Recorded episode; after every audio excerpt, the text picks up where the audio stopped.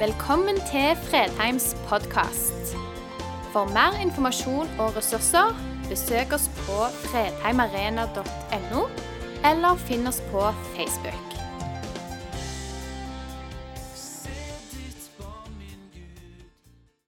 Det står et kors her som beviser teksten vi nettopp sang.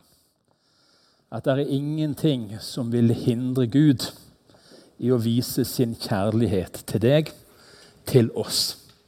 Det var ingenting han ikke ville ha gjort for å vise at du er elska. På denne allehelgenssøndag var det en lesetekst som brukes i mange av kirkene i dag, fra Johannes' åpenbaring. Jeg tenkte der har vi teksten for denne søndagen. Så leter vi gjerne etter en overskrift og Det ble denne overskriften 'Et glimt av himmel'.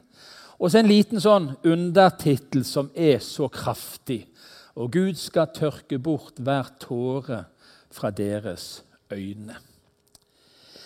I eh, innledningen, sånn jeg jobba med dette, forberedelsen, så dukket det opp et spørsmål. Jeg lurer på hvorfor kom det spørsmålet så utrolig tydelig for meg i forberedelsen. For spørsmålet var sånn Herre, er det få som blir frelst?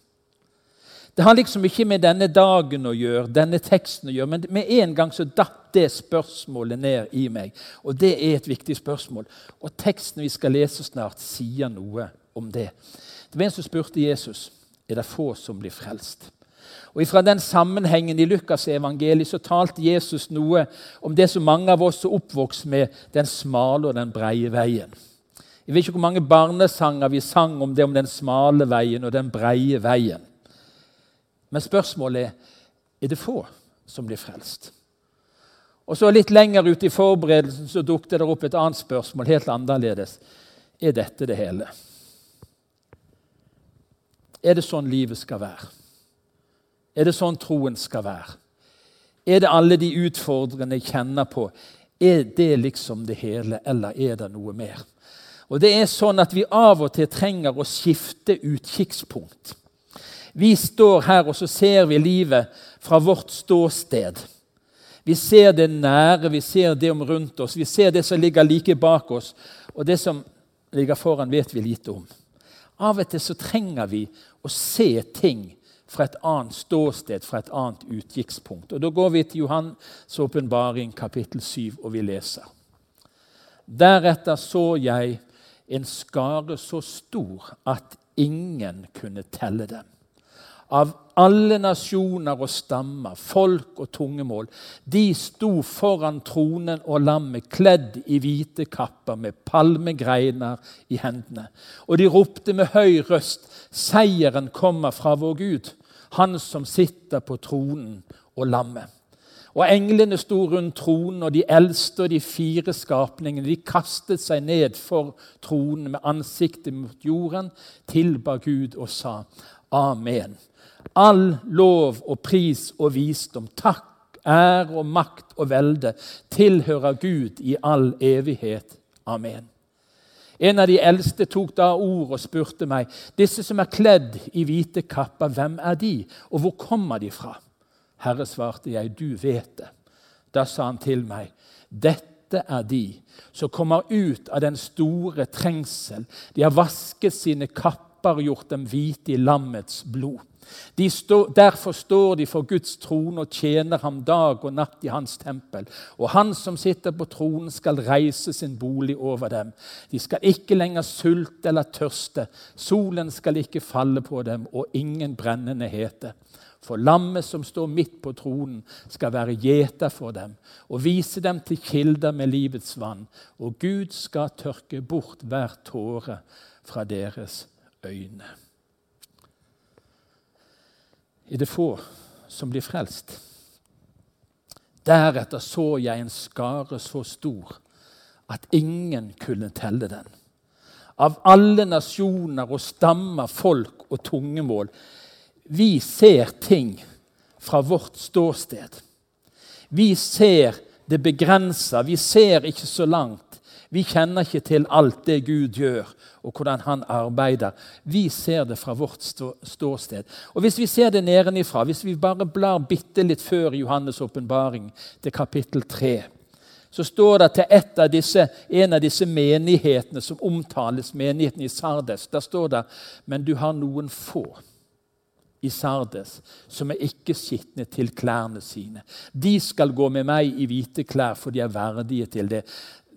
Du har noen få i Sandnes, kunne vi nesten ha sagt, hvis vi bytter ut Sardes. For det er det vi ser. I Sandnes er det rundt 55 forskjellige steder som forkynner evangeliet. Kirker, forsamlingshus og bedehus. Det er mange. Men på en vanlig, gjennomsnittlig søndag i Sandnes, vet du hvor mange som går til gudstjeneste? Ca. 4,5% av innbyggerne i denne byen. Vi ser det fra vårt ståsted. Og jeg vet ikke hvor mange ganger det har vært min utfordring og bønn. Gud, det ser ut til å være så lite frukt. Vi legger ned et hav av tid og krefter og arbeid for å nå ut med evangeliet. Og så ser vi så lite. Vi ser noen få. Sånn ser vi det så ofte. Hvordan ser det ut ovenifra? Vi skal gå helt tilbake til første Mosebok, kapittel 15. Så førte han Abraham ut og sa til ham, se opp mot himmelen, og tell stjernene om du kan telle dem. Og han sa, så tallrik skal ætten din bli. Så står det en nøkkel til å forstå hva dette verset handler om. Abraham trodde Herren, og det ble regnet han til rettferdighet.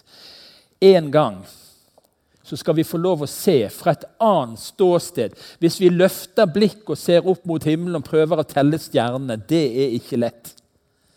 Men den ætten som en gang skal stå fram som de rettferdige, de som vi leste om i denne teksten, kledd, kledd i hvite klær, de skal ikke kunne telles. De skal være utellige. Som vi av og til ser noen få her og noen få der så ser det annerledes ut når vi løfter blikk og ser det fra Guds ståsted. Når vi ser det inni et lite glimt av himmel. En skare så stor at ingen kan telle den. Så tallrik skal ætten din bli. Det er mye vi ikke kommer til å se. Det er mye ikke vi kommer til å få tak i. Vi bedømmer ut ifra vårt syn og våre øyne. Gud ser det fra et annet ståsted. Og Gud, han som vi tror på, han vil at alle mennesker skal bli frelst og lære sannheten å kjenne. Det ligger på Guds hjerte. Det ligger på Guds hjerte at du skal bli frelst. At de du omgås, de du kjenner, de du er glad i, skal bli frelst. Det ligger på Guds hjerte at byen vår skal bli frelst. Og jeg, Det er ikke sikkert vi kommer til å tenke på det en gang når vi kommer til himmelen, folk. Og Vi kikker oss rundt. Nei, var du der? Var du der? Jeg hadde en bror han sa det til meg. 'Jeg blir mest overraska hvis jeg er der', sa han. Og Kanskje noen av oss skulle hatt litt mer av den tanken at den største overraskelsen at vi er der. Det er ikke sikkert vi går rundt og tenker sånn den gangen. Når skaren er så stor at vi ikke kan telle den. Av alle nasjoner, av alle folk, av alle slekter, av alle tungemål, så står de en dag foran tronen og tilber Gud og lammet. Sett ovenifra. Hvem er disse her som blir frelst? Og Nå skal vi tåle litt kananspråk i dag. For denne teksten den drypper av det vi kaller kanans språk. Det er liksom ikke så lett å forstå alle disse ordene og begrepene hvis du ikke er veldig godt kjent i Bibelen. Det står om noen som har vaska sine kapper og gjort dem hvite i lammets blod. Det er heftige saker, det. Hvordan kan noen bli kvitt som vaskes i blod? Kananspråk. Av og til så hadde vi gått og slåss litt med det språket. Fordi det ligger sånne dybder i det, det ligger sånt innhold i det. Det ligger sånn oppmuntring når vi forstår, og når de der ordene og begrepene går opp for oss. Et, et eksempel fra Salme 51, David. Ta min synd bort med isop, så jeg blir ren. Vask meg så jeg blir hvitere enn snø. Gjennom hele historien så har mennesker blitt konfrontert med sine nederlag. Med sine fall, med sine synder. Med det de ikke fikk til. Og utrolig mange mennesker har kjent det som en byrde. Noe umulig å komme til rette med. Men så har de fått en, et glimt av noe. Og David han visste hvem han snakket med. 'Vask meg, så jeg blir hvitere enn snø? Går det an å bli rein? Går det an å bli hel? Går det an å bli rettferdig? Akkurat dette uttrykket med en isopp det er altså en dvergbusk. 30-90 cm høy, brukt i tradisjonell urtemedisin. I Bibelen brukt som en sånn symbolsk betydning for renselse. Men enda sterkere går det en rød tråd gjennom Bibelen. Og blodet fra Jesus, hans sønn, renser oss fra all synd. Sliter du med synd? Sliter du med det du ikke får til? Har du gått på en smell? Du vet at du er skitten, du vet at du er urein. Det går an å bli rein. Det går an å bli kledd i hvite klær uten en eneste flekk. Blodet fra Hans sønn renser oss fra all synd. Vi blir hvitere enn snø. Og så hadde de noen klær på seg. De sto foran tronelammet kledd i hvite kapper med palmegreiner i hender. Et symbol på rettferdighet og hellighet. Jeg er vokst opp i en tradisjon, og den er jeg stolt av. Men det er noe i den tradisjonen som jeg vil utfordre av og til. For jeg, jeg vet ikke hvor mange ganger jeg har hørt noen si 'Å, jeg er bare en synder'. Å, jeg er bare en synder. Har du hørt det? Og du har kanskje tenkt at jeg er bare en synder. Du som har tatt imot Jesus, er ikke bare en synder. Du er kledd i hvite klær. I 1. Korinterbrev skriver Paulus det på denne måten. Dere er hans verk i Kristus Jesus. Han som for oss er blitt vår visdom fra Gud. Vår rettferdighet, helliggjørelse og forløsning. Vet du hva? Sånn som du er nå, du som tror på Jesus, så passer du perfekt inn i himmelen. Om du ble rykka opp nå, eller om du falt død om nå, det hørtes dramatisk ut Hvis du tror på Jesus, så ville du ha blitt en av de som sto foran tronen og lammet kledd i hvite kapper. Ikke noe hjemmelaga tro, ikke noe hjemmesnekra tro, ikke noe hjemmelaga klær som fungerer. Men pga. troen din på Jesus så er han for deg blitt.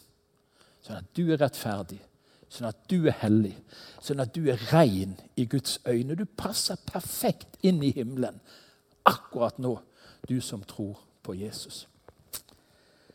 Så har denne teksten med seg noen sterke uttrykk om at Guds folk er kjent med tøffe, vanskelige tider. Det står om de som kom ut av den store trengsel. Og Bibelen har en mengde tekster som forteller om at det ligger trengselstider og venter for Guds folk. Og Det er ett begrep som på en måte kommer på toppen av det hele. At en gang i tiden før Jesus kommer igjen, skal det være en tid med en ekstra stor trengsel. Som skal være krevende og vanskelig og menneskelig talt umulig å komme seg igjennom. Men vi må forstå hvordan de som skrev denne teksten. Hva sammenheng levde de i? Hva var ferskt for de? Hva var, hadde de nettopp opplevd? Jesus sa det på denne måten, og Johannes hadde vandra sammen med Jesus. Dette har jeg sagt dere for at dere skal ha fred i meg. I verden har dere trengsel. Men vær frimodig. Jeg har seiret over verden. Vet du hva, folk? Vi lever i et unntak. Vi i Norge vi har jo vunnet i Lotto nesten på alle områder. Med menneskelig talt, med natur og med økonomi, og i en krisetid. Vi har vunnet i Lotto. Det er nesten helt utrolig. Og så mange steder i verden opplever de i dag fysisk trengsel fordi de vil følge Jesus. Åpne dører har i denne tiden mange søndager hvor de inviterer kirka til å, å fokusere på de som blir forfulgt, de som blir drept, de som blir torturert for Jesu navns skyld. Vi lever i et unntak. Vi kan gå altså, Du kunne gå til gudstjeneste helt fritt i dag. Det eneste som hindra deg, det var deg sjøl. Altså, det er ingen som kommer her og kontrollerer oss og ser etter og ber om navnene våre. Hvorfor var de på gudstjeneste? Det er noe mistenkelig. Vi lever på den grønne greien. Det er nesten utrolig. Vi skulle takke Gud hver dag for den friheten som vi har. Men for Guds barn, skjønner du, så sa Jesus det sjøl. Har de forfulgt meg, så kommer de til å forfølge dere. I verden har dere trengsel. Og En dag i den teksten vi leser, så var det noen som kom ut av trengselstiden på en spesiell måte. La oss bare gå noen år tilbake. Dette er skrevet noen og 90 år etter Jesus. Eh, eller i år noen og 90.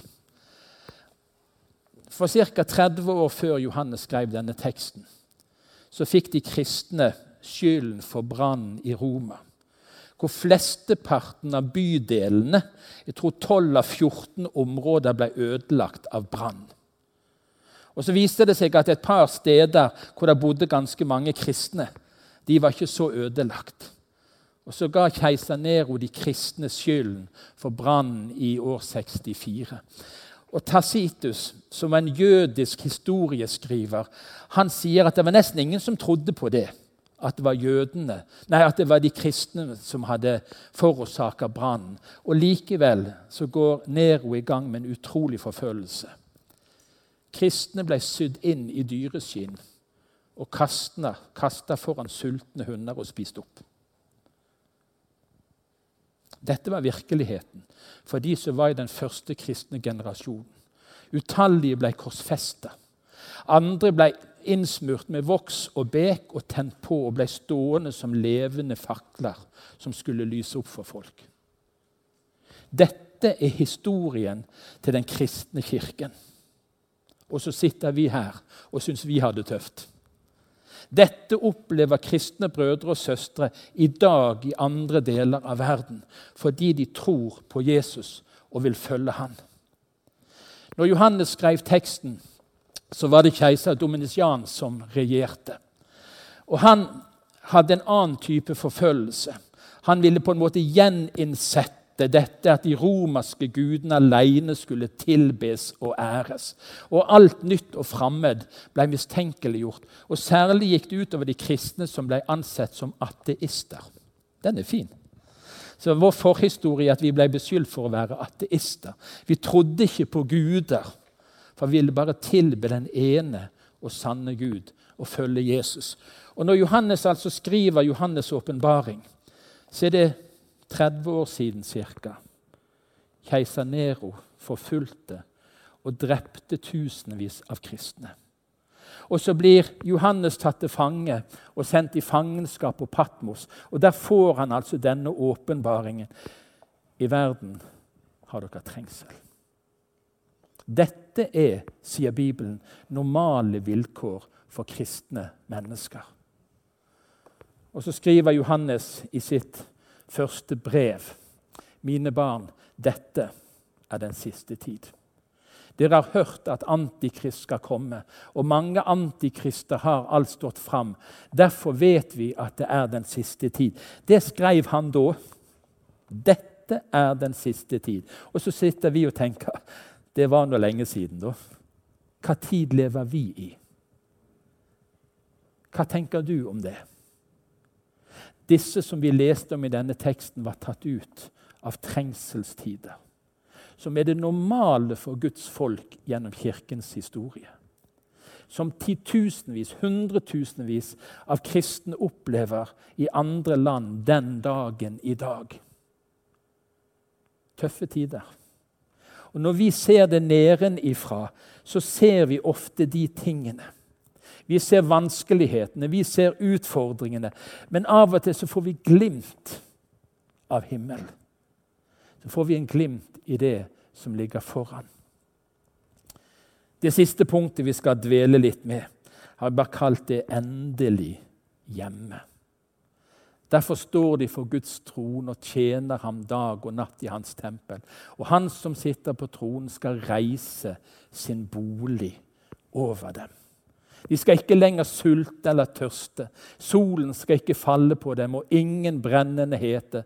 For lammet som står midt på tronen, skal være gjeter for dem og vise dem til kilder med livets vann. Og Gud skal tørke bort hver tåre fra deres øyne. Endelig hjemme. Gud skal reise sin bolig over de som trodde på Jesus, og som fulgte ham. De som har opplevd trengsel og motgang og smerte en dag hjemme. En dag er det slutt. Sett nedenifra det andre spørsmålet. Er dette det hele? Hva med sorgen? Hva med tårene? Hva med motgangen? Hva med forfølgelsen? De uoppklarte spørsmålene som du sliter med, tvilen eller sykdommer og smerter som ikke slipper taket. Her nede er det så mye av sånne ting. På tross av at vi på så mange måter er velsigna og har det uendelig godt, så er det mange blant Guds folk òg i denne forsamlingen, i denne byen, i vår nasjon, som denne dagen har mer enn nok med spørsmålene 'Hvor er du, Gud?' Hvorfor opplever jeg livet så tøft, så vanskelig? Hvorfor bryter det ikke gjennom? Hvorfor løser du ikke opp i det som er så krevende og så vanskelig for meg? Sett ovenifra. Første Tessalonika-brev, kapittel 4. Der bruker Paulus et avsnitt fortelle om noe av det som ligger foran. Vi vil at dere skal vite, søsken, hva som skjer med dem som er sovnet inn. Dere skal jo ikke sørge som de andre. Jo, vi sørger. Denne dagen er for mange en dag hvor en minnes de som gikk foran.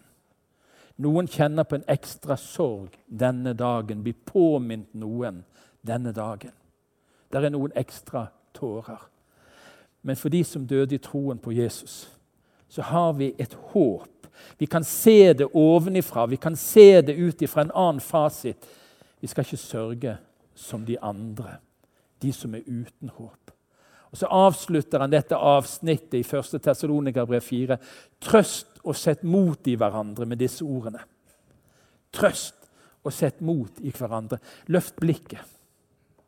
Du som kjenner at det er vel mørkt og vel krevende. Du ser det nedenifra, og du ser ikke langt nok fram eller opp. Løft blikket, sier Bibelen. Vi skal ikke sørge som de andre de som er uten håp. Vi skal få lov å trøste hverandre og sette mot i hverandre med disse ordene. Og Så avslutter vi med Johannes' åpenbaring, kapittel 21. Det er nesten for mye av det gode. Tenk vi skal få lov å avslutte denne korte preken med å, å løfte blikk, og så skal vi få se et glimt av himmel på en helt ny og sterk måte. Og jeg så en ny himmel og en ny jord. Se, Guds bolig er hos menneskene. Han skal bo hos dem, og de skal være hans folk. Og Gud selv skal være hos dem. Han skal være deres Gud. Han skal tørke bort hver tåre fra deres øyne. Og døden skal ikke være mer. Heller ikke sorg eller skrik eller smerte. For det som en gang er, var, er borte. Du, kristne folk, vet du hva med oss? Vi har alltid det beste i vente. ikke det flott?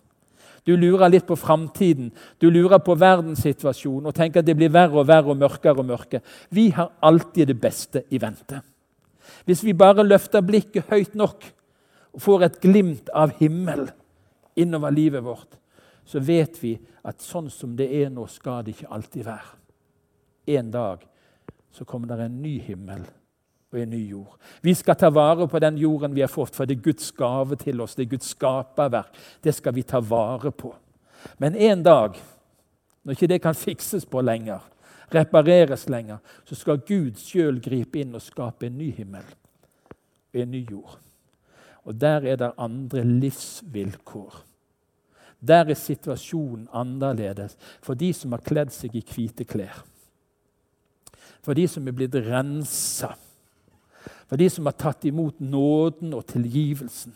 For de som har vandra i livet gjennom mer eller mindre trengsel. En dag så er det en ny virkelighet. Og min bønn har vært at du skulle få et lite glimt av himmel denne søndagen. Han skal tørke bort hver tåre fra dine øyne. Det skal ikke være noe død rundt deg lenger. Det skal ikke være noe sorg. Det skal ikke være noe skrik. Det skal ikke være noe smerte. For det som holdt oss nede når vi var her, det er tatt bort for alltid. Du har det beste foran deg, du som tror på Jesus. Du som har kledd, blitt ikledd hvite klær, du rein og rettferdig, du himmelen verdig, her og nå. Og Har du ikke fått på deg den kledningen, så må du bare få den på med en gang. Hjemmelaga klær hjelper ikke. Det nytter ikke å ta seg sammen. Det nytter ikke å prøve å bli en kristen. Du må bare ta imot det Jesus har gjort, så kler han deg i den eneste kledningen som passer inn i himmelen. Og Så kunne vi holdt en hel preken, og det hadde disse lovsangene likt, om hva de holdt på med, disse folkene, når de var der oppe. For det kunne vi ha brukt mye tid på. De falt ned på sitt ansikt foran tronen, i tilbedelse for Gud og lammet. Og Nå skal vi synge en sang som handler og som avslutter på en måte i himmelen. Og Kan ikke dere være med i den sangen og, og synge det budskapet inn? Der går en vei mot framtiden. Det er en vei inn i det himmelske.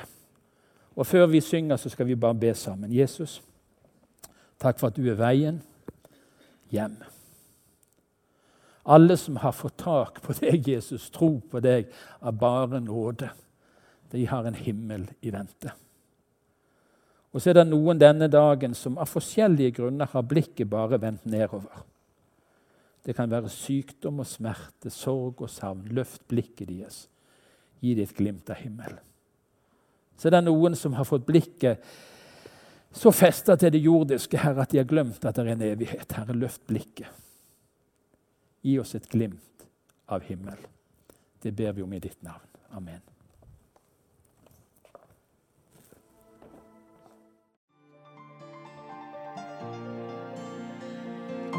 Takk for at du valgte å høre på. Nye opptak legges ut hver uke. Vi har gudstjenester hver helg, og du er hjertelig velkommen.